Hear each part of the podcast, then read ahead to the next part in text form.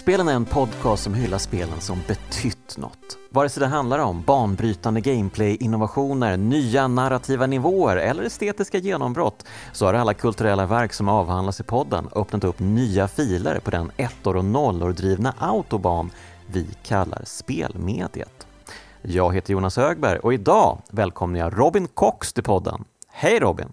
Hallå där! Hur är läget? Det är bra tack. Det är otroligt kul att få vara här, för jag har följt den här podden sedan den startade. När jag pratar om många spel som ligger mig varmt om hjärtat, du och dina eh, gäster. Så det är så hemskt ah. kul att få vara här äntligen. Ja, men eh, varmt välkommen ska du vara. Um, som jag har förstått det så jobbar du på Rovio. Ja, precis. Jag är eh, gameplay designer på Angry Birds 2. Oj, men vad mm. spännande. Hur eh, går det till? För det är ju ett sånt där spel som är, liksom är fortlöpande hela tiden antar jag, med uppdateringar och sånt. Precis. Um, så du, du liksom, gör du nya banor hela tiden eller vad, hur ja, funkar det? Ja, men precis. Jag, jag gör nya banor och sitter och funderar ut nya roliga saker som man kan lägga in i spelet allt eftersom. Så att det är ett eh, sjukt kul projekt att vara på. Ja, men vad härligt, vad härligt. Um, och uh, vi ska ju då säga också att du såklart också driver spelpodden Spelkväll. Ja, det ehm, stämmer. Um, och det är ju kanske det som gör att du sitter här just nu också. Um, vad, vad är det för typ av podd? Det är ju då, eh, ja, det är inte så svårt att lista ut att det handlar om spel i alla fall. Eh, men det är en lite annorlunda spelpodd för jag och min kära vän Jakob som jag har känt sedan eh, vi var faktiskt små bebisar.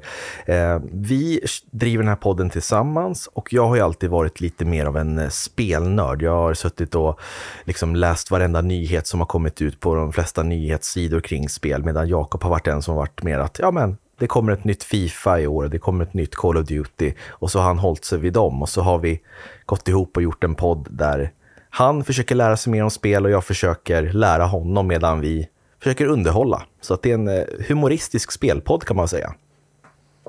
Ah, Okej, okay. men du, du säger att ni har känt varandra sedan ni var bebisar. Ni träffades inte på BB? eh, nej, men dagen efter faktiskt. För att eh, min, Det är så här, han, okay. han, han, är, han är två år yngre än, än vad jag är. Så att eh, min mormor och morfar, de bodde ute eh, då på den tiden ute i skogen eh, mot Enköpingshållet och eh, bredvid närmaste granne var Jakob och hans familj. Så efter han kom hem från BB så kom de upp och fikade och då träffade jag dem första gången där. Och sen dess har vi varit vänner. Aha, okej. Okay. Ja men vad härligt, det låter ju verkligen som en uh, underbar uh, brödrakärlek ni har då. Ja men det är ju det. Ja, men ehm, eh, vad har du för relation till eh, Shu Takumi?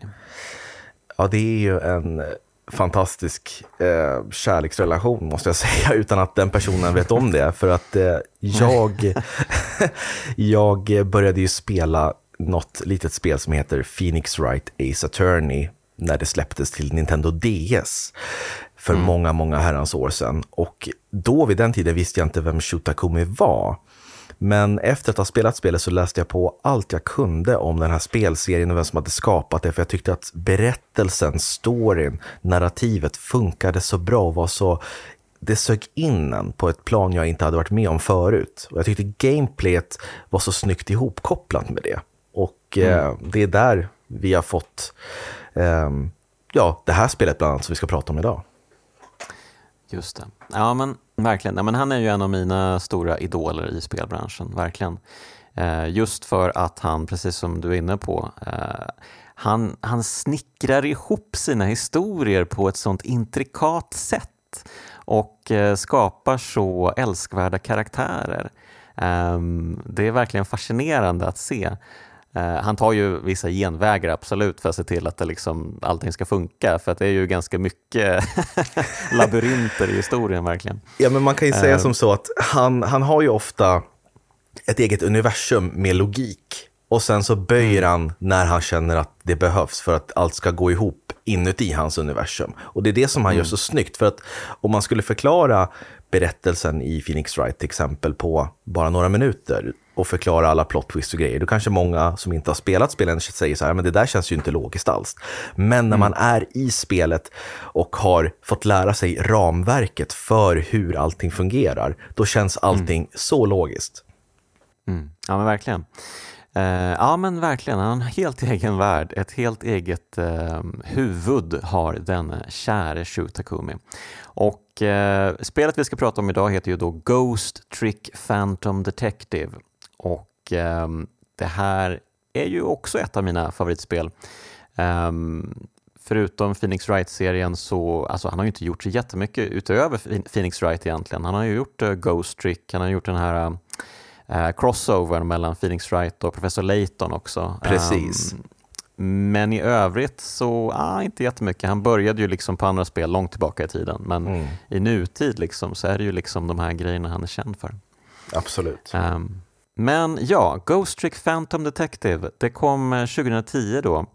Och eh, det är också ett Nintendo DS-spel. Um, och eh, det, det är mycket, liksom, spelmekaniken är såklart uppbyggd kring att man har en pekskärm och kan eh, pyssla med den. Mm. Uh, men det kom ju en jättefin remaster då förra året till Switch. Ja. Um, som, ja, de har ju liksom förenklat gameplayet lite, eller ja, men gjort det spelbart på en vanlig eh, handkontroll. Um, och eh, jag har spelat om den nu nyligen och det var ju härligt för det var första gången på 13 år. Då. Jag har inte spelat den sedan 2010. Det har inte jag heller faktiskt. Ah, Okej, okay. ja. hur, hur var det att spela om det?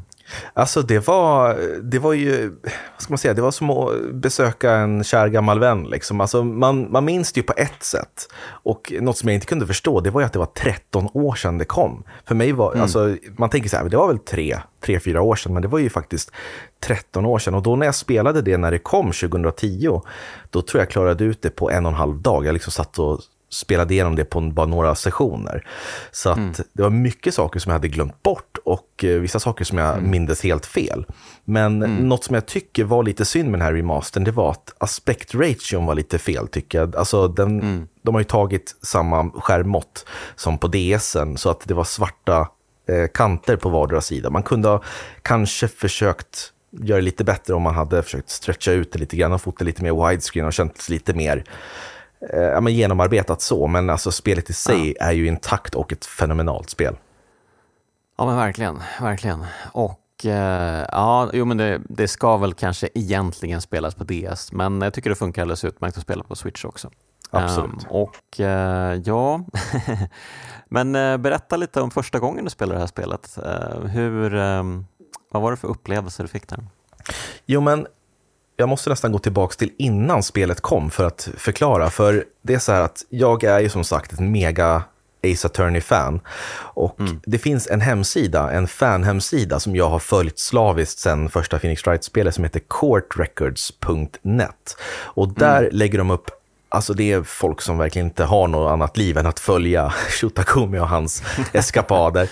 Så att där lägger de upp skans, alltså då på den tiden, skan, skannade bilder från eh, den här speltidningen Famitsu i Japan. När det kom mm. nya eh, men, nyheter om att nu kommer ett nytt Ace Attorney-spel och sådär. Och då en dag så kom det upp en skan på huvudkaraktären från Ghost Trick. En bild på mm. honom. Och det var ingen som visste att det här var ett nytt alltså en, en, helt ny spelserie eller ett nytt spel. Alla trodde att det här hade något med Ace Attorney att göra. Och sen mm. så kom det fram att det hette Ghost Trick och att det skulle handla om att man var ett spöke som skulle lösa ett mord eller flera mord. Och då blev det ju direkt så här, wow, det är Shotakumi som ligger bakom. Och så tänkte man sig storyn som fanns i Phoenix Wright. Så det här blev ju något man byggde upp flera, flera månader, om inte år på. För att det här började ju väldigt tidigt från att det här, den här skannade bilden kom upp och sen så tog det massvis av månader tills att spelet släpptes. Så jag hade ju liksom byggt en helt egen story i huvudet hur det skulle vara. Så här kommer det säkert vara och det, kommer, det här kommer hända och så kommer det komma en plot twist där och så kommer det hända så. Man hade ju så många förväntningar. Och sen när man satt som mm. spelare så var det liksom bättre än vad man hade förutställt sig. I alla fall jag tycker så. Ja, men eh, förresten, har du några husdjur? Ja, jag har två hundar. Två hundar. Mm. Eh, ja, vi ska ju spoila friskt eh, som vanligt här då, men vi behöver ja. kanske inte göra det allra från början här. Vi kan ju liksom gå igenom spelet eh, fram till slutet som vanligt här. Men eh, det är ju väldigt mycket kring djur det här spelet som det handlar om. Mm. Ehm, och eh, det är en stor del till att jag älskar det så mycket också. Um, men det kommer vi, vi, vi, får tillfälle att återkomma till det här tror jag. Mm. Får jag um, förlåt, får jag ställa en motfråga? Har du några djur? Uh, ja, jag har en svart katt. Aha, okej. Okay. Mm. Yes, och det kommer vi återkomma till, absolut. Um, yes, men vi, vi kastar väl oss in här då. I uh, god uh, Shutakumi-anda så kastas vi liksom rätt in i handlingen, um, in media res. Um, vi uh, vaknar upp döda. Mm. Um, vi vet inte riktigt uh, vem vi är eller var vi befinner oss. Uh, men en okulär besiktning ger att vi befinner oss typ på ett skrotupplag och att det ligger en död kropp framför oss Um, och att det finns en kvinna med händerna i vädret och en typ lönnmördarkaraktär som står och siktar ett gevär mot henne. Um, yes. Så att uh, vi kastas ju rätt in i en mycket prekär situation. Um, och uh, det är ju det här man älskar med Shutakumi. Han, han vet ju verkligen hur man ska liksom höja pulsen på uh, nolltid verkligen. Ja, verkligen. Ställa alla frågor. Alltså, man får så många frågor i huvudet utan att ens ha fått någonting berättat för sig, mer än den här bilden. Ja, men precis. Och eh, ja, men eh, vi antar ju då att vi helt enkelt är personen som ligger död på marken och eh, det är ju, ja men beskriv lite den här personen för det är ju ett väldigt säreget utseende verkligen. ja, men han har ju liksom en, den mest sköna gula frisyr jag någonsin har sett. Det är som en banan som, eh, jag vet inte, man har eh, kört en hårfön genom i flera timmar. Mm. Liksom, det är en stor, stor gul grej som går rakt upp och så har han en eh, röd kostym. Mm. Um, så det, det är väldigt sär, säreget utseende. Ja, och eh, självklart så ligger han ju liksom eh, med huvudet i marken och rumpan i vädret på eh, bästa, jag, jag påminns om Metal Gear Solid, det finns något spel där det är någon stackars vakt som också ligger avsvimmad på marken med huvudet i marken och rumpan högt upp i vädret. Liksom. Det är en Precis. sån härligt komisk bild verkligen. Um, ja, nej men så att uh, vi är ju um, vimmelkantiga vi försöker liksom, aha, eh, vad är det som pågår? Jag är uppenbarligen död. Eh, det pågår en massa shenanigans mm. och ehm, vad, vad, vad, kan jag göra nu liksom, om jag är död? Ah, det finns ganska mycket man kan göra. Mm. Ehm, du kanske kan förklara lite hur liksom, spelmekaniken funkar i spelet? Ja, precis. Ehm, och här är man ju inte som ett klassiskt spöke i andra spel där man flyger, alltså att du egentligen är som en vanlig människa fast att du är genomskinlig. Utan här kan du manipulera objekt för att ta dig framåt och traversera genom världen. Och det här låter ju ganska begränsande till en början, men det är här den fiffiga spelmekaniken kommer in och uh, Shutakumis huvud har verkligen tagit vid här. Han har då bestämt sig för att för att man ska kunna röra sig genom världen så kan man hoppa mellan objekt och sen använda deras egenskaper för att ta sig vidare ytterligare.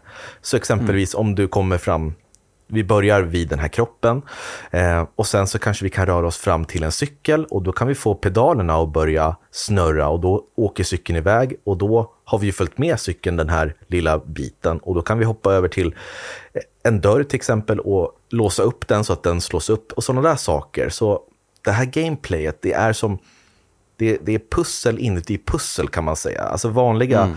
pussel man ser i spel, de liksom bleknar i jämförelse med de här pusslen som sen också, de börjar ganska enkelt och är lite smått banala i början, men sen så blir de så, mm, alltså mega kopiöst svårare. Så att, eh, mm. nej, man vill inte avslöja, spoila lösningen på några pussel. Nej, precis. Men uh, det är ju uh, den här första pusslet då, det går ju ut på att man ska fälla en uh, rivningskula i skallen på lönnmördaren. Ja. Um, och, men det som är så bra också är ju att um, det finns ju liksom två olika lägen man switchar mellan. Mm. För pusslen går ju på tid. Ja. Det är viktigt att veta också. Um, för de flesta pussel går ju faktiskt ut på att någon kommer bli dödad inom kort. Um, det är ju väldigt många och framförallt den här kvinnan som får, eh, som eh, ja, den här lönnmördaren siktar sitt gevär på. Hon kommer ju avlida ja, otaliga gånger under natten vi, eh, som spelet utspelar sig på. Hon har ju otrolig änglavakt måste jag säga, som överlever, ja, klarar sig så många gånger. Ja, det är helt sinnessjukt faktiskt. Ehm, precis, så att eh, man, går ju, man växlar ju mellan två olika lägen. I ena läget så eh, går ju tiden som vanligt och då har man tillfälle att om man befinner sig i ett specifikt föremål liksom trycka på actionknappen för att liksom aktivera föremålet på något sätt. Eh, och så kan man då switcha till det andra läget och då har man fryst tiden och då har man möjlighet att gå att um, röra sig mellan de här olika föremålen. Um, och uh, på DSen då så ritade man ju ett, liksom ett streck mellan föremålen mm. och uh, så pang så kunde man ta sig till nästa föremål. Uh, här så liksom sträcker man bara ut den med styrspaken så det känns ju inte lika taktilt och härligt men ja, det funkar tycker jag. Ja, absolut. Och det, det hör ju till också att man har en begränsad räckvidd också, så man kan mm. inte hoppa tvärs över hela skärmen, utan det är en liten räckvidd som man har att röra sig på. Exakt. Ja, men eh, ett eh, jätte, jätte, jättebra spelsystem tycker jag. Ehm, och det är ju som du säger, det är ju liksom inte speciellt intrikat här i början, så det är lite, mm, ja man känner väl att oj, ja men det här var lite väl lätt, eller kom igen. Eh, men det kommer igång. Det tar kanske mm, två, tre timmar men sen så blir det riktigt knasiga grejer. Um, men eh, ja, alltså vi, vi kanske ska gå in lite mer på handlingen här också kanske. Mm. Um, vi får ju då på omvägar, jag minns inte exakt man får veta det, veta att uh, personen som ligger död på marken heter Sissel. Och uh, ja, Eh, då får spöket för sig att kalla sig för Sissel och eh, tar också eh, hans eh, ja, men, eh, fysiska, eh, vad säger man? Skepnad nästan va? Skepnad, tack, jättebra ord. Ja men precis, och då när han sen då har räddat den här kvinnan ehm, så, nej just det, han räddar, han räddar henne först ja, och hon är ju liksom medvetslös då. Mm. För att det är, det är en ganska knasig grej som vi inte tagit upp här, det är ju att man kan färdas tillbaka i tiden också när man hittat en död kropp. Ja, precis. Och, alltså det, man märker bara nu när vi ska förklara att shit vad invecklat det här är alltså. ja, ja, verkligen. Ja, men precis. Så att man, man kan ju liksom åka tillbaka i tiden då till fyra minuter innan personen dog. Och då har man exakt fyra minuter på sig att eh, amen, försöka förhindra här, den här liksom, eh, det är ju inte alltid det är någon som mördar personen utan ibland är det liksom saker i omgivningen som händer. Um, mm. Så att eh, ja, det, det är liksom hela universum. Ödet eh, ser inte med blida ögon, framförallt på den här kvinnan då som heter Lynn. Ja. Och ja, nej, det är lite knasigt. Vi får även träffa mm, en ehm, vad säger man, en bordslampa? Ja, som heter Ray. ja. som, som är, liksom är den som, han, men han är ju lite vår ciceron, han förklarar ju lite reglerna i spökvärlden mm. och eh, säger också att eh, ja, du har fram till soluppgången på dig eh, att eh, lösa mysteriet med din egen död och eh, vem du är. Mm. Eh, för när soluppgången kommer så kommer du att gå vidare till andra sidan. Så att, eh, då får man ju onekligen, oh shit nu är det bråttom, jag måste ju verkligen komma igång här. Ja. Och eh, frågan är om Lynn har med saken att göra. Det har hon ju antagligen. Mm. Så ja, det hände ju mycket här i början och jag minns inte exakt alla vändningar heller när jag liksom tänker efter. Men det är ju väldigt mycket som händer här. Eh, när man räddat Lynn så dyker det ju sen upp um, för man åker ju liksom fram och tillbaka mellan platser också. Det är det här som är lite svårt att uh, recappa allting. Ja, precis. Du åker för det kan ju du berätta om. Ja, visst. Man åker ju mellan, alltså för att man ska kunna åka över eh, ganska långa sträckor så åker man via telefonlinjerna runt om i staden. Mm. Eh, och det här är ju också, alltså det, det finns ju så många regler i det här det här spelet och i den här världen. Så att när du då åker tillbaks fyra minuter i tiden för att hjälpa någon, Mm. Då kan du inte använda en telefon som inte redan någon står och pratar i. Men Just när det. du är i nutid, då kan du bestämma att nu vill jag använda telefonen för att röra mig någonstans. Så att det här Just blir också ett pusselelement för att ta sig mellan platser i det förflutna om någon står och pratar i telefon. Eh, men precis mm. som du säger så man räddar Lynn för första gången lyckas sänka den här lönnmördaren och sen så dyker upp poliser på stället som då um, ja, men säger att eh, de vill förhöra Lynn för att det är någonting som har hänt. Yes, precis. Och eh, de pratar ju lite om en eh, specifik polis som heter Cabanella, va? Cabanella, va? Cabanella, Cabanella. Ja, ja. Mm. En dansande det, polis. ja, alltså, han är ju så bra, Shutakumi, på att skapa säregna karaktärer verkligen. Um, och uh, den här snubben är ju fantastisk. Har han inte typ, typ en um, så här karatebandana på sig också? Jo, han är som en blandning mellan en Karate Kid och Elvis Presley skulle jag säga. ja, men det, det är ganska bra faktiskt. Uh, ja, men det är ju otroliga karaktärsporträtt verkligen. Och det är ju det är så härligt stora uh, karaktärer också på skärmen. Ja. Uh, jag tycker att det är liksom, och det är ju så jävla vacker grafik också. De har ju verkligen um, fångat den här liksom tecknade känslan så otroligt bra. Ja, men jag, jag, um, faktiskt, jag tänkte på det här om dagen när jag sa, hur ska skulle man förklara Ghost Tricks grafik? Och man ser allting från sidan, det är liksom 2D, men det ser ut som en blandning mellan klassiska serietidningsfigurer blandat med japanska manga och anime eh, alltså den tekniken som man målar och ritar på. Det är liksom en blandning av båda två. Så att det, det är verkligen någonting som sticker ut från mängden. Mm. Just det. Uh, ja, men nu tittar jag på en bild på honom här. Det var inte en bandana jag menar, utan det var, han har ju ett långt, um, vad ska man säga, det är som ett långt rött skärp nästan, uh, som går längs kavajen. Ja, ja, så är det, just det. Mycket, mycket speciell stil. Um, och uh, ja, men Lynn är ju också lite fräckt klädd. Hon har ju liksom en gul kavaj um, och en kjol och ett härligt rött hår verkligen. Mm. Och ja. Jag tycker att hon påminner om sen senare eh, Athena Sykes som eh, finns till mm. Phoenix Strike. Hon är också gulklädd, rött, orange hår. Så att jag tror nog att de delade lite samma eh, karaktärsdrag där eh, som hon dök upp i Phoenix Strike 5. Mm. Just det. Ja, men eh, via den här telefonlinjen då så kan vi ju eh, ta oss vidare. Vi, vi får ju faktiskt göra en... Um, vi åker ju faktiskt till skurkarnas tillhåll nästan direkt, vilket är väldigt roligt. Precis. Um, vi, vi kommer ju inte återvända dit förrän långt senare i spelet, men jag tycker det är roligt att man Eh, kan åka till deras tillhåll nästan direkt. För att man, man fattar ju direkt, det här är ju skurkarna, det ser man ju. Ja, ja, ja. De, de är, det är en liten elak farbror som sitter där som har någon stor hejduk där som är skitstor och som står och diskuterar saker med honom. Och de är ju verkligen onda, det är ett, ett ondskefullt lair liksom. Ja, jag tycker det är så roligt att alla ondingar i spelet, alla som man liksom fattar, ja men de här tillhör ju ondingarna, de är liksom blåa i huden. Ja, det, det, det syns direkt. Eh, ja. Det är bara att tänka sig Simpsons fast att alla är blåa istället. Det är alla skurkar. Ja, precis. Så det är ju lite, ehm, eh, ja, det är ju väldigt förenklat får man ju säga på det sättet.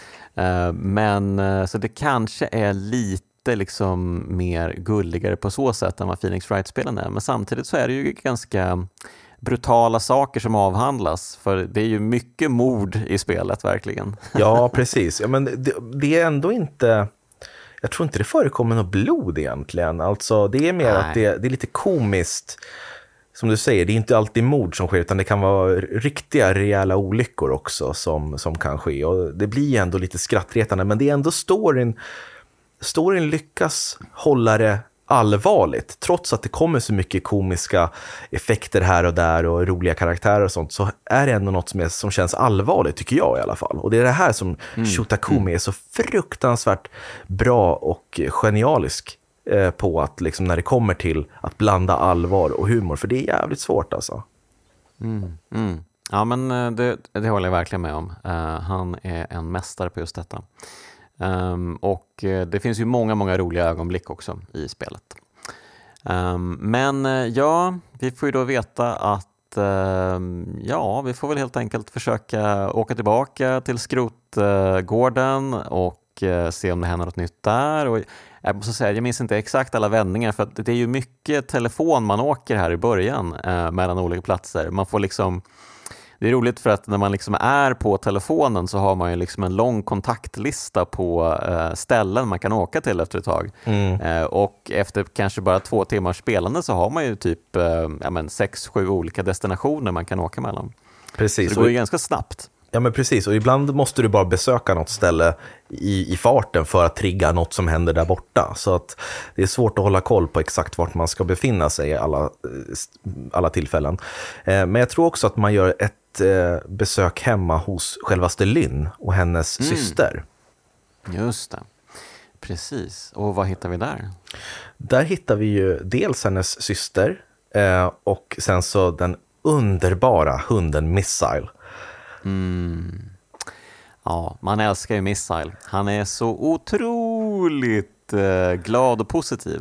Ja, han är ju eh, underbar. Och han älskar sin eh, matte. Ja. Alltså över allt annat. Det är verkligen... Eh, han är en sån hund. Han är en ja. otrolig hund. Han går mm. verkligen längre än någon hund jag någonsin har träffat för att beskydda sin matte. Ja, det är helt sjukt. Um, och eh, ja men precis, Lynn bor där tillsammans med Camilla heter hon va? Mm, Camilla.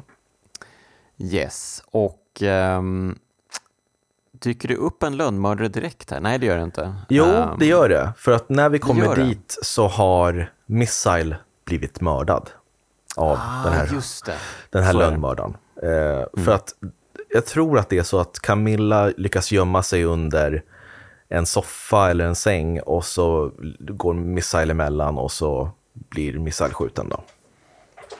Just det. Ja, men du vet, det är så bra um, när man åker då telefonlinjen till, ny, till en ny plats, eller ja, till en gammal plats.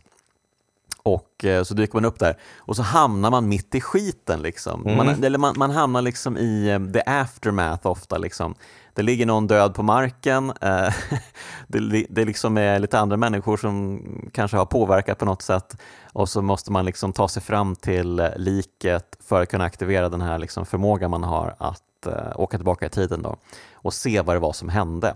Så det är ju, så, det är ju suggestivt hela tiden. Man, man, uh, man får ju tankar i huvudet. Liksom. Oj, hur kan det här ha gått till? Hur, vad, vad är det som har hänt här egentligen? Um, och ja, sen får man ju se det också. Men uh, ja, det, jag tycker det är ett väldigt smart sätt att uh, liksom etablera alla scener att man kommer till. Ja, men det är som att du går baklänges i scenerna. Du, du kommer till slutet av scenen och sen så måste du gå tillbaks till början för att sen göra om scenen och ändra slutet. Så det, är, det är därför det är så unikt det här spelet, att det vänder på allt som man är van vid. Mm. Ja, men verkligen. Um, ja, men vi lyckas ju eh, rädda Missile såklart. och eh, även Camilla då. Ja. Och eh, de, just det, man ska väl hitta en eh, låda här va? Ja, för Till dem. precis. När då man har räddat Missile och Camilla så ringer Lynn till Camilla och säger att eh, det är massa saker som händer, jag vet inte vad det är om jag ska vara ärlig, säger hon. Men det finns en låda som du måste ta med dig eh, till mig. Och den finns mm. här någonstans. Och den är då gömd i taket i någon slags dold lucka. Men Camilla hittar inte den, så då måste man... Det blir ett pussel i sig. Nu är det ingen som har dött, men då måste vi få ut den här lådan och få henne att se den också. Mm. Och då måste man eh, involvera grannen. Ehm, och det här, det här är ju lite en, ehm, en av de här genvägarna som jag funderar på, som Shuda Kumi ofta tar. Mm. Um, för grannen är ju inte bara deras granne um, som ofta bankar i väggarna för att de är för högljudda, för att Missile håller på och skäller eller något sånt. Mm. Uh, utan hon är ju även en, liksom en, en del av plott plotten utan att man vet om det eller utan att uh, Lynn och Camilla vet om det. Ja, precis. Och det är en ganska stor del av plotten också. Så det är väldigt tur att just de bor vägg i vägg, annars hade det inte funkat. Eller hur? eller hur? Ja, men det är jättekul, för man ska ju få henne att banka jättehårt i väggen så att något föremål ramlar ner så att man då kan ta sig upp till uh, den där lådan mm, och uh, ja, få ner den.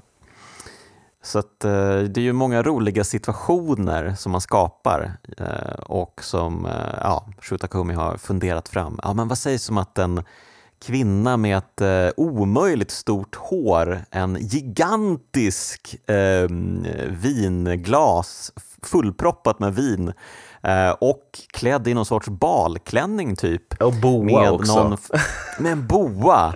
Eh, vad sägs om att hon är liksom svinsur på grannarna och eh, hotar att eh, liksom, ja, men helt enkelt eh, ta ner väggen fullständigt. Um, Om inte Ja, hunden håller tyst. Ja, men precis. det funkar ju skitbra. Inga konstigheter alls. Ingenting jag ifrågasatt när jag satt där och spelade kan jag säga. nej, nej, nej. ja, men det är så det är när man hamnar i Shutakumis underbara värld. Det är sällan man ifrågasätter saker bara. Ja, okej, nu dyker den här jättekonstiga karaktären upp. Ja, Ja. skitbra. Och så fortsätter man. Um, ja, vart hamnar vi sen då? Jo, men sen gör vi en till liten detour. För det som händer det är ju att eh, hon bankar i väggen, Camilla hittar lådan, hon springer ut och då är vi fast i lägenheten med Missile. Och då försöker vi ta oss till telefonen som vi tog oss eh, använde för att komma till lägenheten. Men den har, själva luren har hamnat nere i ett akvarium och gått sönder. Så att då måste vi använda grannen, åka över till grannens lägenhet och använda den eh, telefonen istället. Och då blir det ett pussel i det rummet för att ta oss till telefonen. Och då får vi reda på att den här kvinnan är en författare som har lite skrivkramp som det verkar som. Så hon springer fram och tillbaka mellan vinflaskorna för att fylla på sitt gigantiska glas. Eh, Hon skulle kunna bara ta en flaska och dricka istället, för jag tror att det är lättare än att fylla på glaset. Ehm, Jo, jo. Men eh, då får vi också reda på att hon har en sjuk dotter i eh, lägenheten som, som ligger och hostar och vill träffa sin pappa, säger hon. Ehm, Och den här Mm. Pappan visar sig också ha väldigt mycket med plotten att göra och det är till honom vi åker sen. Just det, för pappan är ju justitieministern. Ja, det är också otroligt att han just är justitieminister. Det är jättelägligt alltså. Ja, det är fantastiskt. Och han har ju också en jätteskön stil. Ja, man kan ju säga detsamma om såklart alla. Men han har ju en sån härlig... ehm, ja, hur skulle du beskriva hans frisyr? Ja, vad ska man säga? Väldigt eh, tilltufsad frisyr, om man säger så. Ja, ja men en, en härlig mittbena verkligen. Och eh, så är han liksom klädd i... Ja, men det, det, det ser ut som en så här gammal uniform från typ 1800-talet som en gammal beef eater typ skulle bära eller något. Ehm, väldigt prålig och eh, stora axelvaddar liksom. Och, ja, det är härligt att han alltså sitter och jobbar i den där utstyrseln.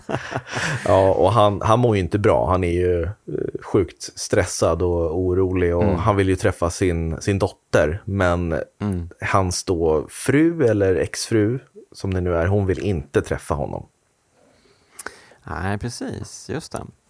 Ehm, men sen så åker man väl tillbaka till skroten och får lära känna den här um, Cabanella, tror jag. Ja, Han, precis. han dyker väl upp och har börjat liksom undersöka eh, Sissels eh, lik då, Mm. eh, tillsammans med ett gäng andra poliser. Ehm, och eh, vi får även liksom... Ja, vi, vi kastas väl in, för att Lynn har ju blivit anhållen då av Mm. polisen. De eh, oroar sig för att hon kan ha någonting med saken att göra. Men hon är ju en polis. Hon har ju Ja. precis blivit polis och är ju liksom en del av eh, eh, ja, men han, hon är väl liksom, kan man säga, Cabanellos, eh, eller Cabanella, vad heter han? Cabanella. Cabanella. Eh, han, han har väl liksom eh, henne som sin eh, protegé kan man säga. Ja, precis. Och och eh, ja, men eh, vi, vi eh, hamnar ju då telefonlinjen in till den här skrotupplagets kontor typ. För där har ju Lynn blivit dödad igen. Ja, exakt. Redan bara några minuter efter hon blev räddad sist. Eh, och det är ju då under tiden hon står och pratar med Cabanella, så han, han försöker ju liksom rädda henne, för det är någon som avfyrar ett skott genom rutan utanför. Eh, men han lyckas då inte, så hon blir dödad igen. Och då är det upp till oss att eh, återigen manipulera omvärlden så att hon överlever. Just det, det är ju en lönnmördare då ute på skroten som håller på och siktar med krypskyttegevär. Och då, ja. vi behöver inte gå så mycket, in så mycket med pusslen, men det är, ja, det, det är så roliga... mm, Det, här, det är kanske framförallt vid det här pusslet som jag kände att ja, men nu börjar spelet komma igång lite här. Ja, Ehm, jag håller helt då, med. må, ja, för man måste ju hoppa, man måste ju få honom att hoppa mellan olika platser. Man måste liksom sätta strålkastarljus på honom så att poliserna runt om kanske får syn på honom. Eller Mm. han oroar ju sig för att han kan bli eh, spottad eh, på den platsen. Då måste han byta till en annan plats för att ja, helt enkelt kunna snipa. Mm. Ehm, så att det, ja, men, eh, här verkligen kommer spelet igång känner jag. Ja, verkligen. På allvar. För att ens kunna ta sig ut till skrotupplagen, upplaget igen, så måste man eh, använda det här tricket med att någon måste prata i telefonen på kontoret.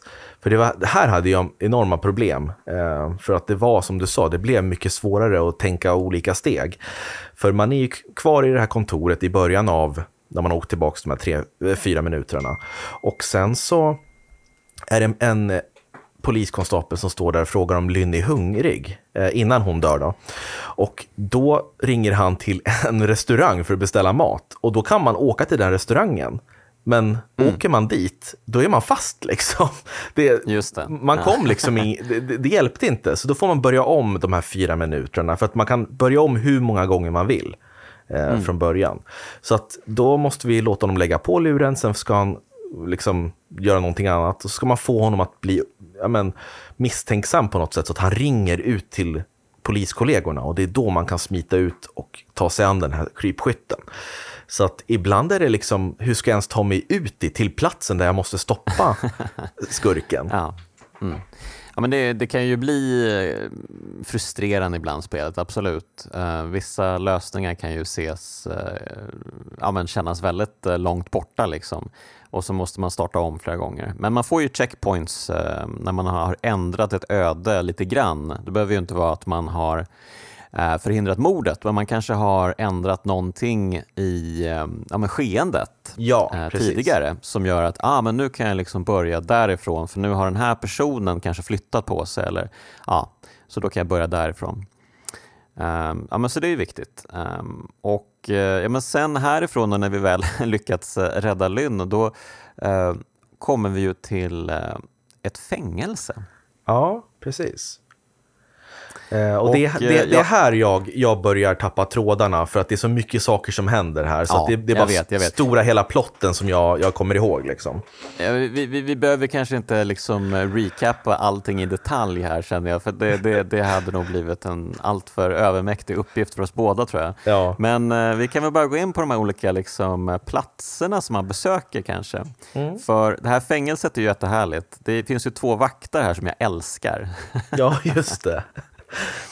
Det är ju två liksom övervakningsvakter. Eh, den ena är väldigt laid back och håller på med eh, någon, eh, ett korttorn. Den andra är ju så high strung som det bara går. Och han får ju för sig att när, liksom, när det händer något oväntat, då bara liksom kastar han sig upp och börjar dansa. Det är jättekonstigt. Ja, ja, det är så jävla konstigt.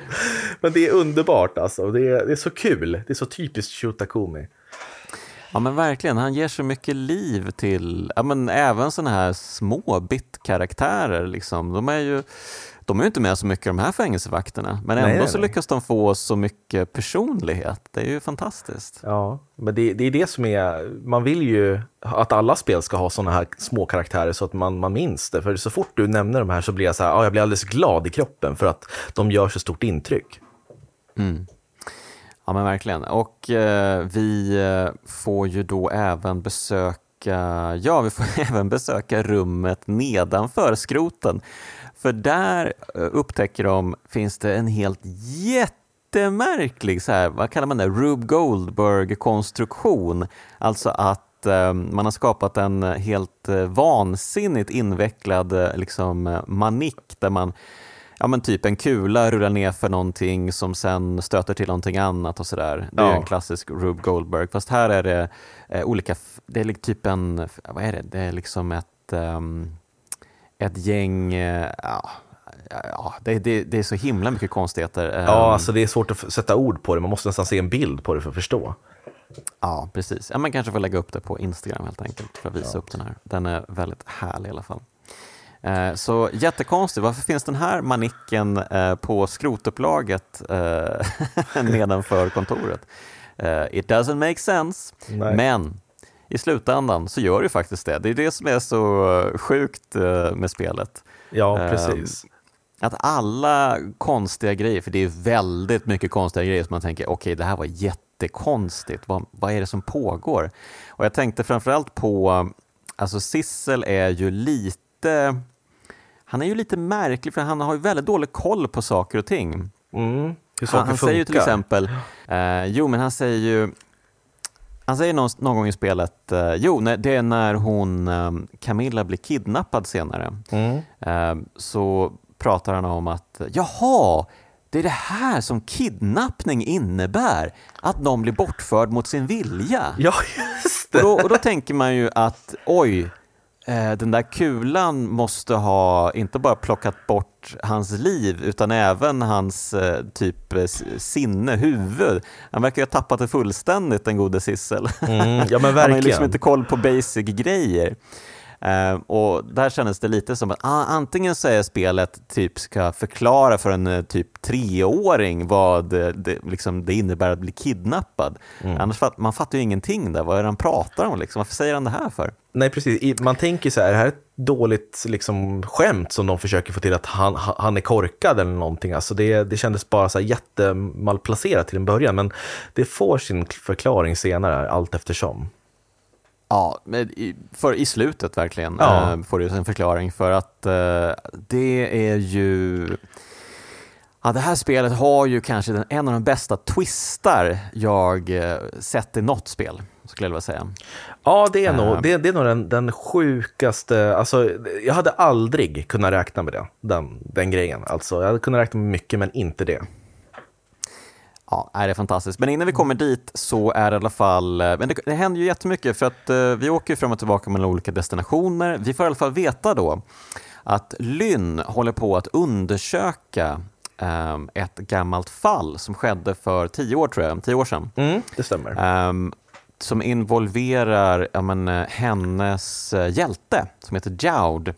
Och eh, han befinner sig då i fängelset ehm, och ska nämligen avrättas ikväll. Ja, eh, och han och Caban-. Cabanella har varit gamla kollegor, poliskollegor.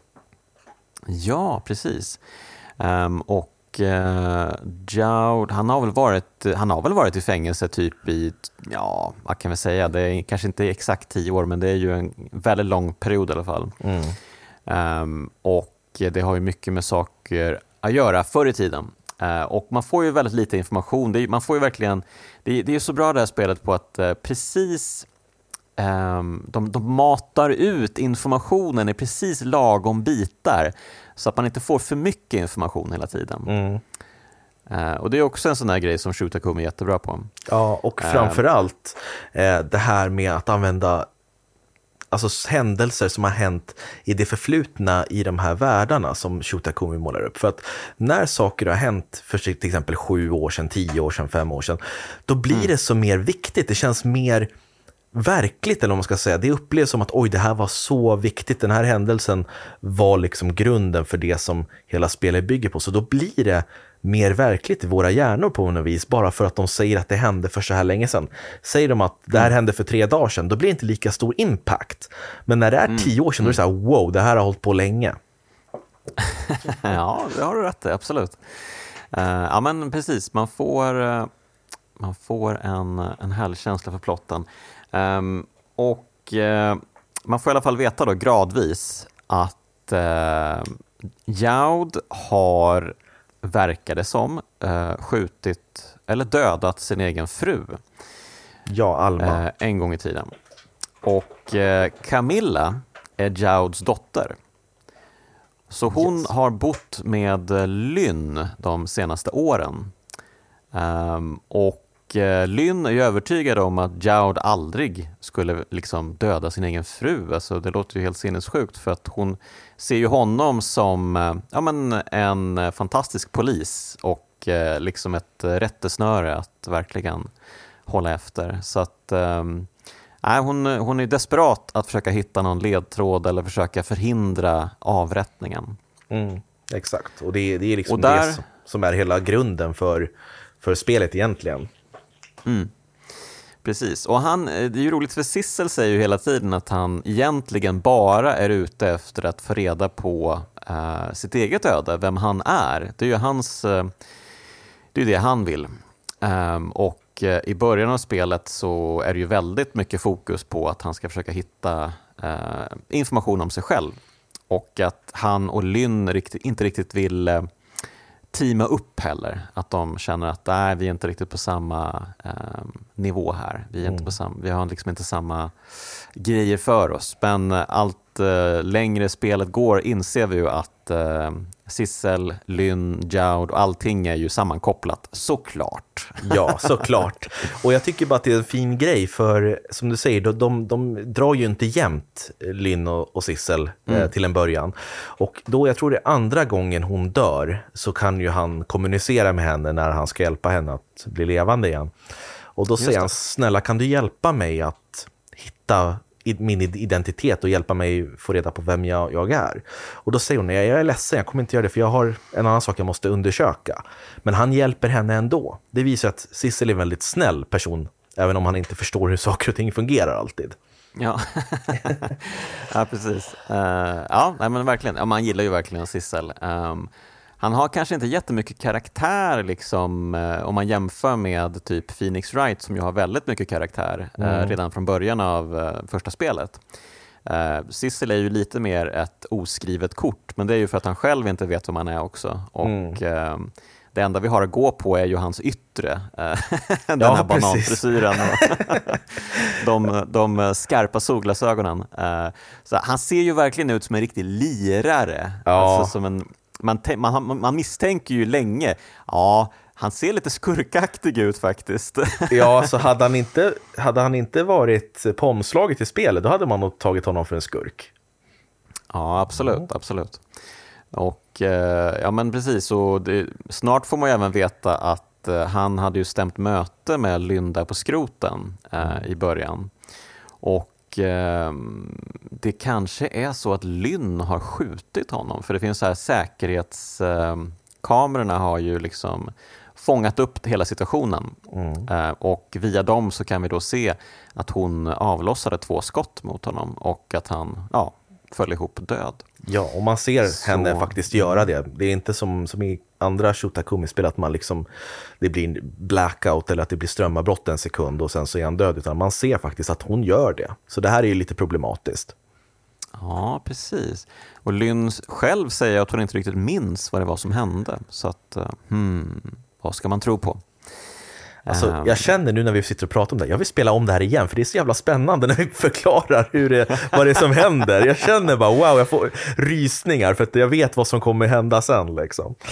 Ja, på ett sätt är det ju lite synd att vi sitter och spoilar hela spelet för eh, de lyssnare som kanske inte spelat spelet. Men det är ju liksom det, är ju det här som är poddens eh, hela grej, att vi verkligen pratar om spel på grunden här. Men, men eh, ja, om, ni, om ni som lyssnar, ehm, ja, men ni lyssnar på och ni har inte spelat, ja det är fine.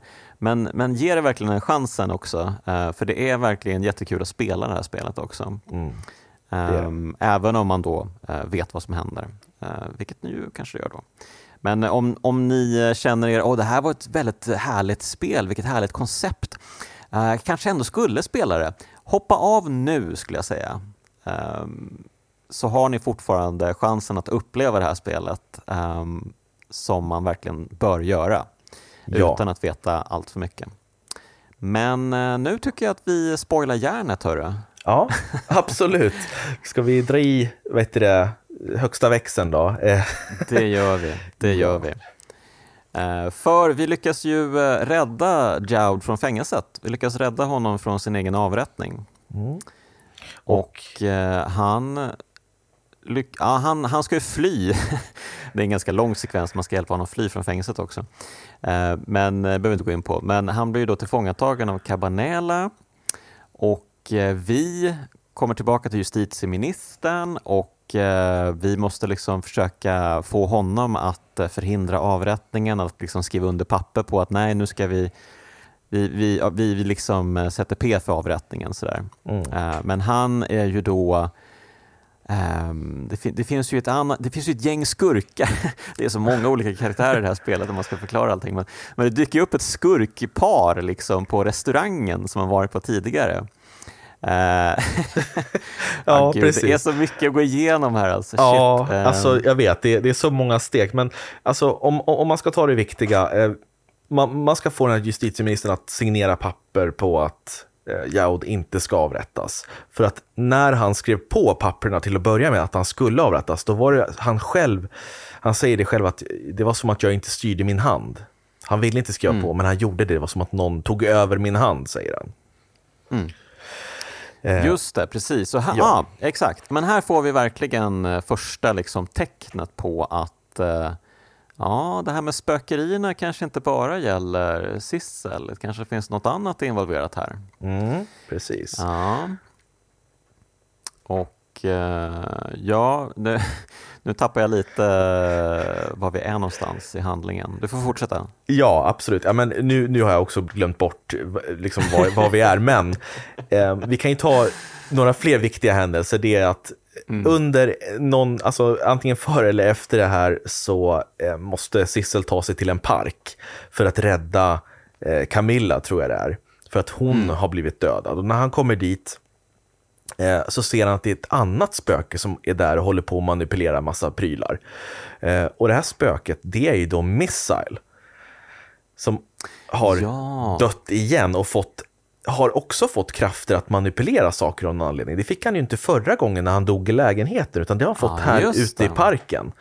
Eh, just det. Så då kan vi låna lite av hans krafter för att göra det som han kan, för han kan andra saker än vad Sissel kan, för det, så funkar det i spökvärlden, man får olika krafter helt enkelt.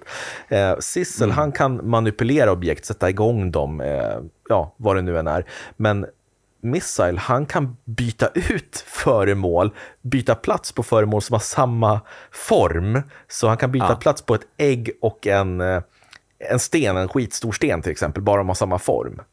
Ja, just det. Ja, men det är jättekul. Och man kan ju hoppa då mellan Sissel och eh, Missile eh, mm. med någon knapp bara. Och så kan man ju då tillsammans eh, helt enkelt eh, lösa pussel.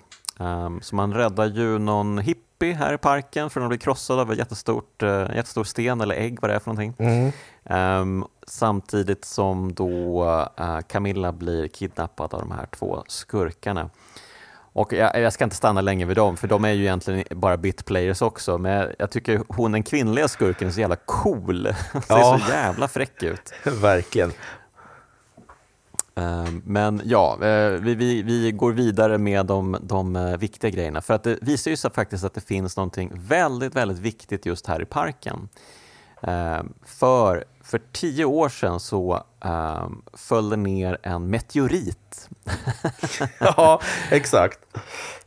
I parken. Och ja, det kan ha hänt något då som ja, har påverkat och skapat hela intrigen som uh, håller på att hända just nu. Ja. Men uh, innan, innan vi kommer tillbaka till parken för tio år sedan så är det ju, uh, det blir ju raffel och båg här. för först kommer vi tillbaka till skroten och här får vi faktiskt träffa det här andra spöket. Mm. Och här kommer ju den första liksom, twisten. Kanske inte den största twisten, men den första twisten. Det är Sissel. Mm. Och och eh, jaha, tänker ni, um, Sissel, det är väl huvudpersonen, det är väl det här spöket? Ja, absolut, det skulle man kanske kunna tro, men det är alltså den här personen bananfrisyren. ja, precis. Ja. Eh, den personen lever eh, och eh, det är inte Sissel. Mm. Så att här blir man ju direkt bara, åh, vad, vad nu, vad, va? Jag förstår ingenting, vad är det som pågår? ja, det, det är nu det börjar alltså, plot-twistas rejält alltså. Ja, det är fantastiskt. Uh, och han håller ju på med riktiga skurkaktiga grejer, för han har ju dels dödat Eh, vi har ju sett honom i periferin tidigare, men det är ju då liksom en snubbe med en duva på huvudet, alltså som en galen professor. Mm. Eh, och han har liksom blivit eh, demolerad, krossad, när någonting har sprängts nere i det här Rube Goldberg-pusslet som den här, den här duvgubben då har återskapat. Ja. För då har vi glömt att nämna att det här Rube Goldberg-pusslet, det hade ursprungligen Camilla skapat. ja, som en present. Som en present till sin mamma för tio år sedan, eller ja, det var inte tio år sedan, men det var typ åtta, sju år sedan kanske. Eh, för hennes födelsedag. Eh, men det hände något fruktansvärt den dagen. Eh, Det här får vi veta via någon flashback tror jag. Att det var ju inte Joud som dödade sin fru, utan det var Camilla, kanske.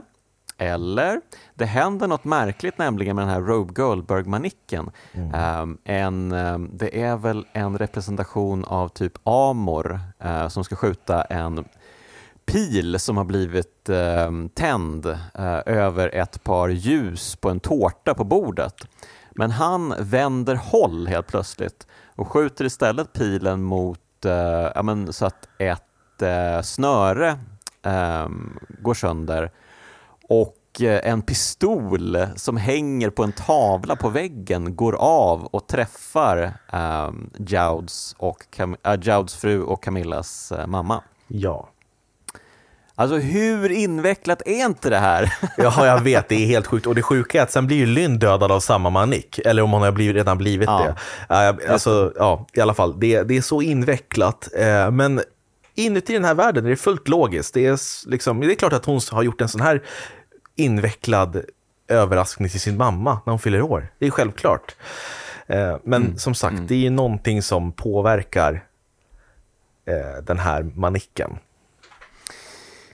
Ja, precis. Men eh, så att vi måste ju då först rädda den här duvgubben eh, från att bli sprängd.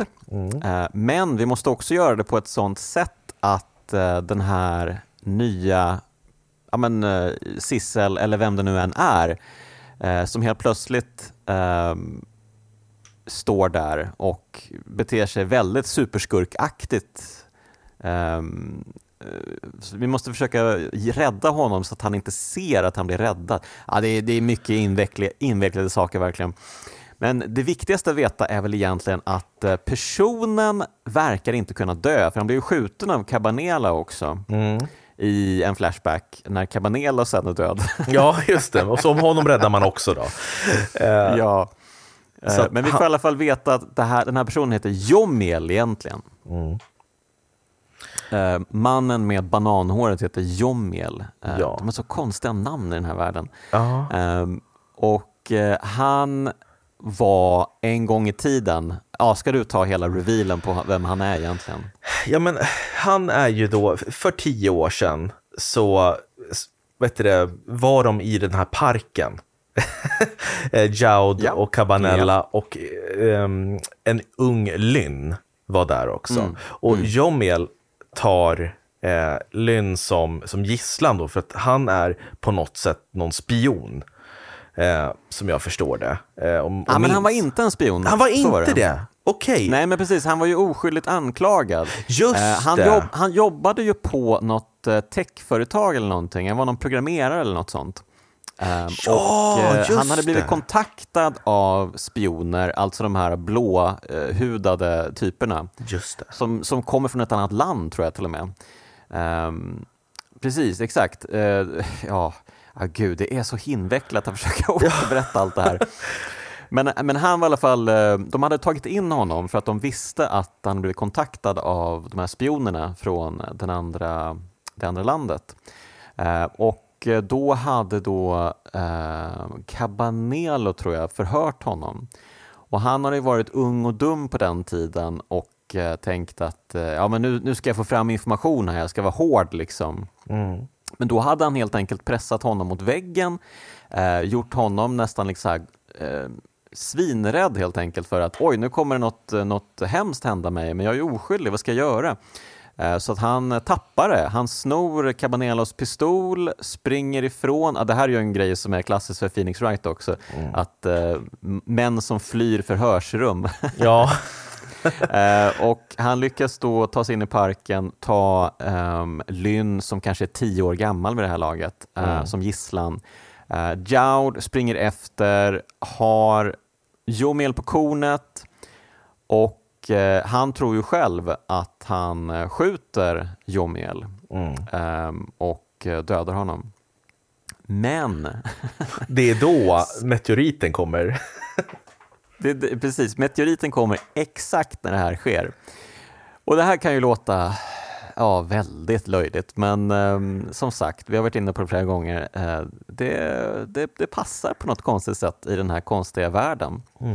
Ehm, och eh, ja, en skärva från meteoriten träffar Jomil mitt i hjärtat. Så han befinner sig i ett evigt tillstånd av död, icke-död. Mm. Han är död men ändå inte död. Och eh, ja, det här påverkar ju honom ganska eh, mycket. Ja, det, det, det kan man lugnt säga. För att sen, sen de här tio åren, alltså under de här tio åren så har han varit död slash icke-död. Och det är därför hans kropp Mm. inte har alltså, förruttnat eller någonting. För att han, han är varken död eller, eller levande. Ja, och eh, han har då, han har ju också möjlighet att lämna sin kropp som spöke då och eh, åka runt och manipulera saker, lite som Sissel då. Men han har inte förmågan att åka tillbaka i tiden och påverka, för då hade han kanske försökt rädda sig själv kanske. Ja. Så att eh, han är ju väldigt bitter efter de här tio åren och eh, han har ju då blivit en skurk helt enkelt. Ehm, även om han inte var det från början så har allt det här som har gått emot honom, den här märkliga existensen han befinner sig i, där han verkligen är liksom död eller levande. Eh, men han har ju blivit eh, hatisk, så han har ju vänt sig till landet nu eh, och eh, spionerna och sagt att eh, ja, jag eh, är villig att hjälpa er.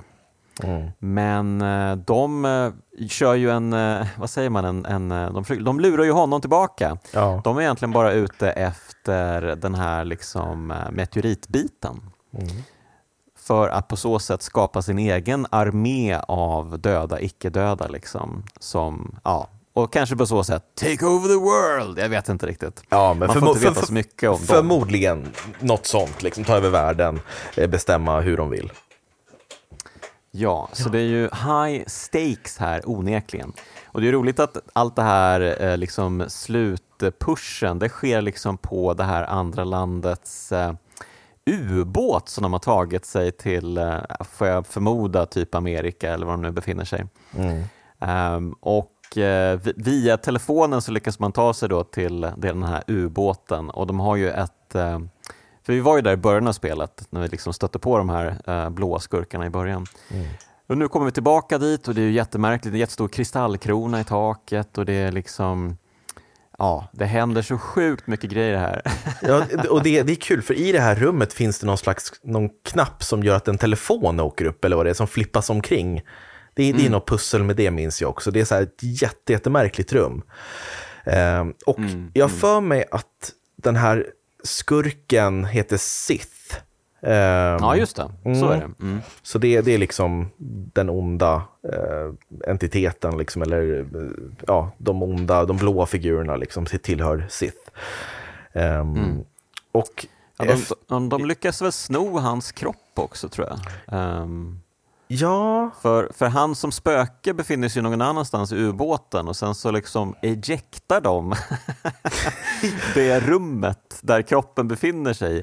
Eh, samtidigt som eh, Sitt, eller vad han heter, eh, åker iväg i en egen mini-ubåt. Det, det är så mycket konstigheter hela tiden. Ja. ja, men Det är vi... roligt också att han, för han har ju ingen kropp längre, ehm, den här uh, Jomil då. Nej, Ehm, precis. mannen med bananhåret, den kroppen. Eh, så att han måste ju då liksom, när han hänger med Lynn och uh, Sissel, så vill han ändå ha en kropp, så han bygger ju ihop en kropp av delar eller någonting. Han hittar typ maskinrummet. Ja, Så han ser ut som en robot. Typ. vägkon som symbi- symboliserar hans bananfrisyr. Det är Ja. fantastiskt roligt. Just det! Och den svajar också som hans eh, bananhår gör, liksom, så det är kul. Ja, just det.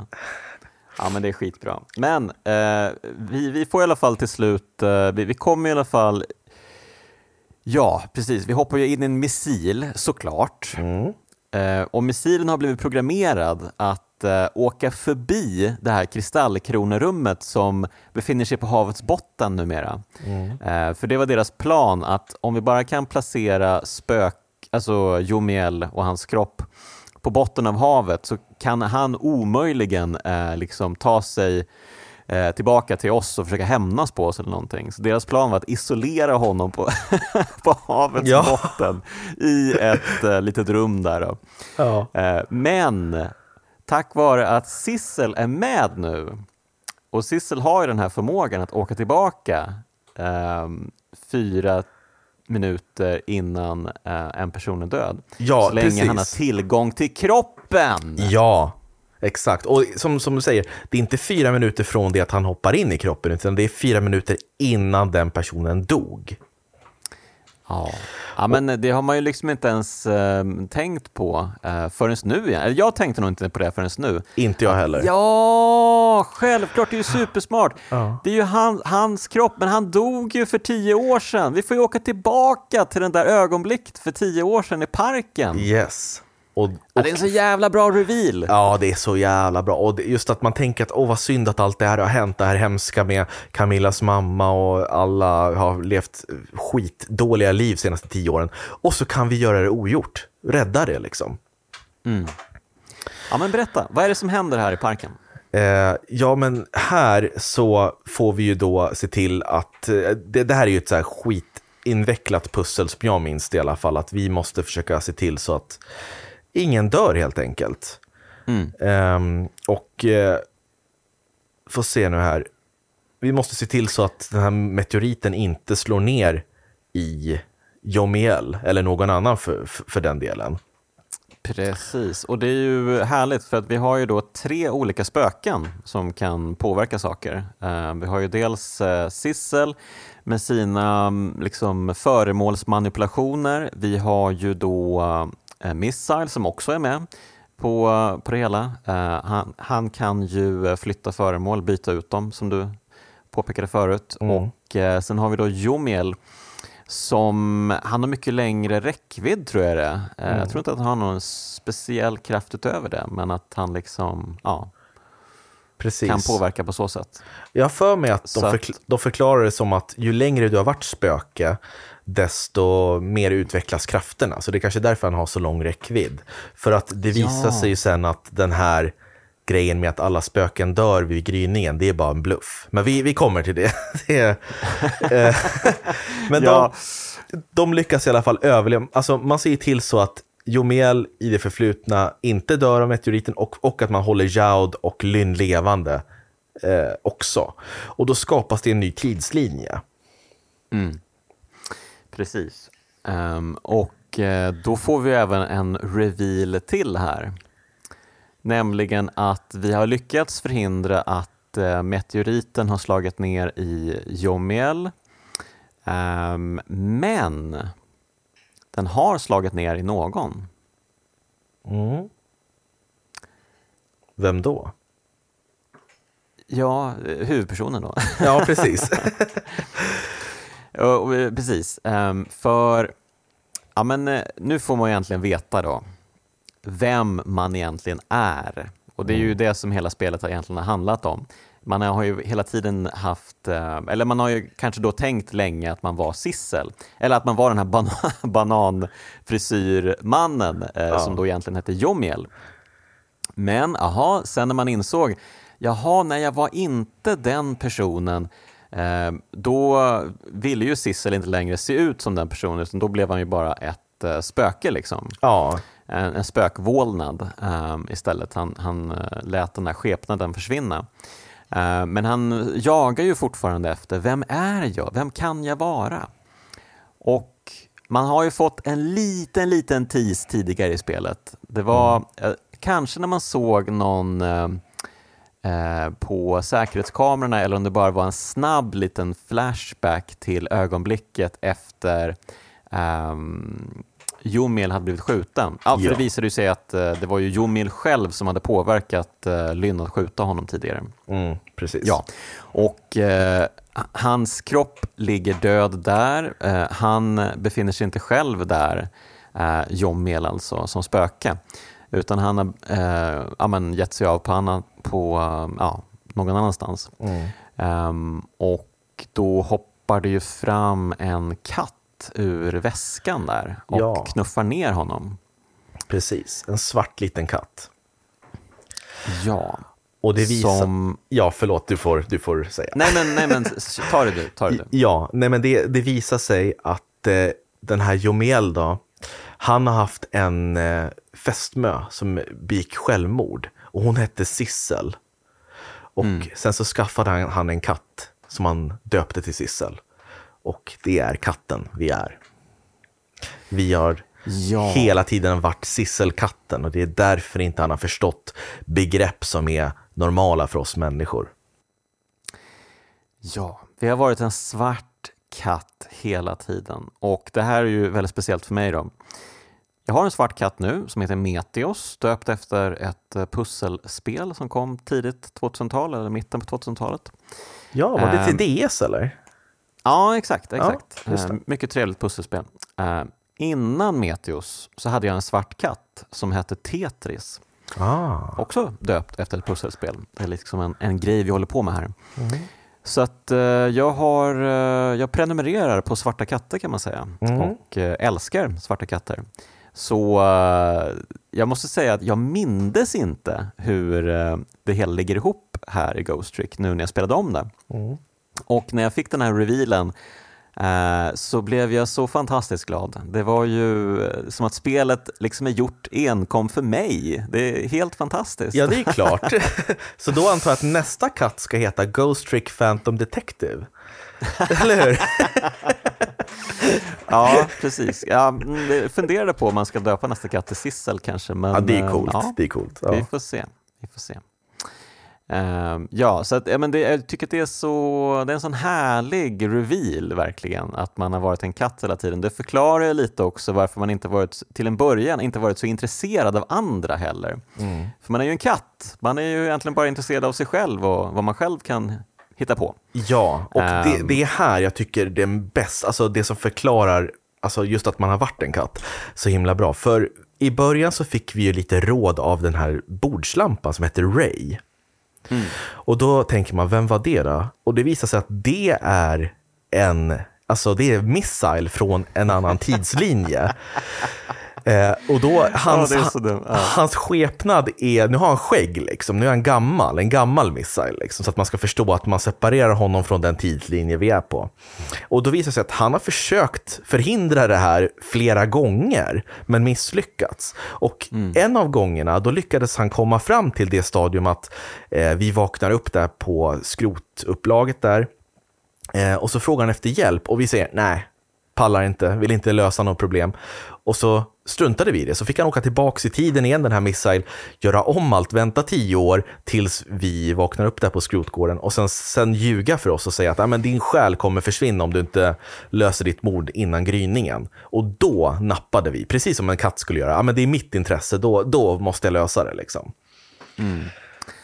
Ja, nej, men eh, precis. Han har tänkt på allt sjukt, Takumi, faktiskt. Ja. Ehm, han har kanske tagit lite genvägar lite här och var, eh, men, men det är så... Det är ju verkligen som en labyrint hela handlingen, hur man har kommit fram till allt det här och liksom det går i tiden fram och tillbaka också på så många olika sätt.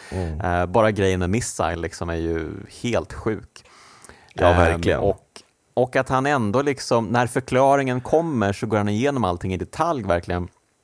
Att, ja men hur, hur kan du, för det visar ju sig då att för att kunna få de här spökkrafterna så måste man ju befinna sig antingen i närheten av den här asteroiden, som är alltså den som ger spökkrafter, ehm, eller befinna sig i närheten av uh, Jomiel när han kommer striden, eh, när han liksom eh, springer runt, för att han har ju en bit av asteroiden i sitt hjärta.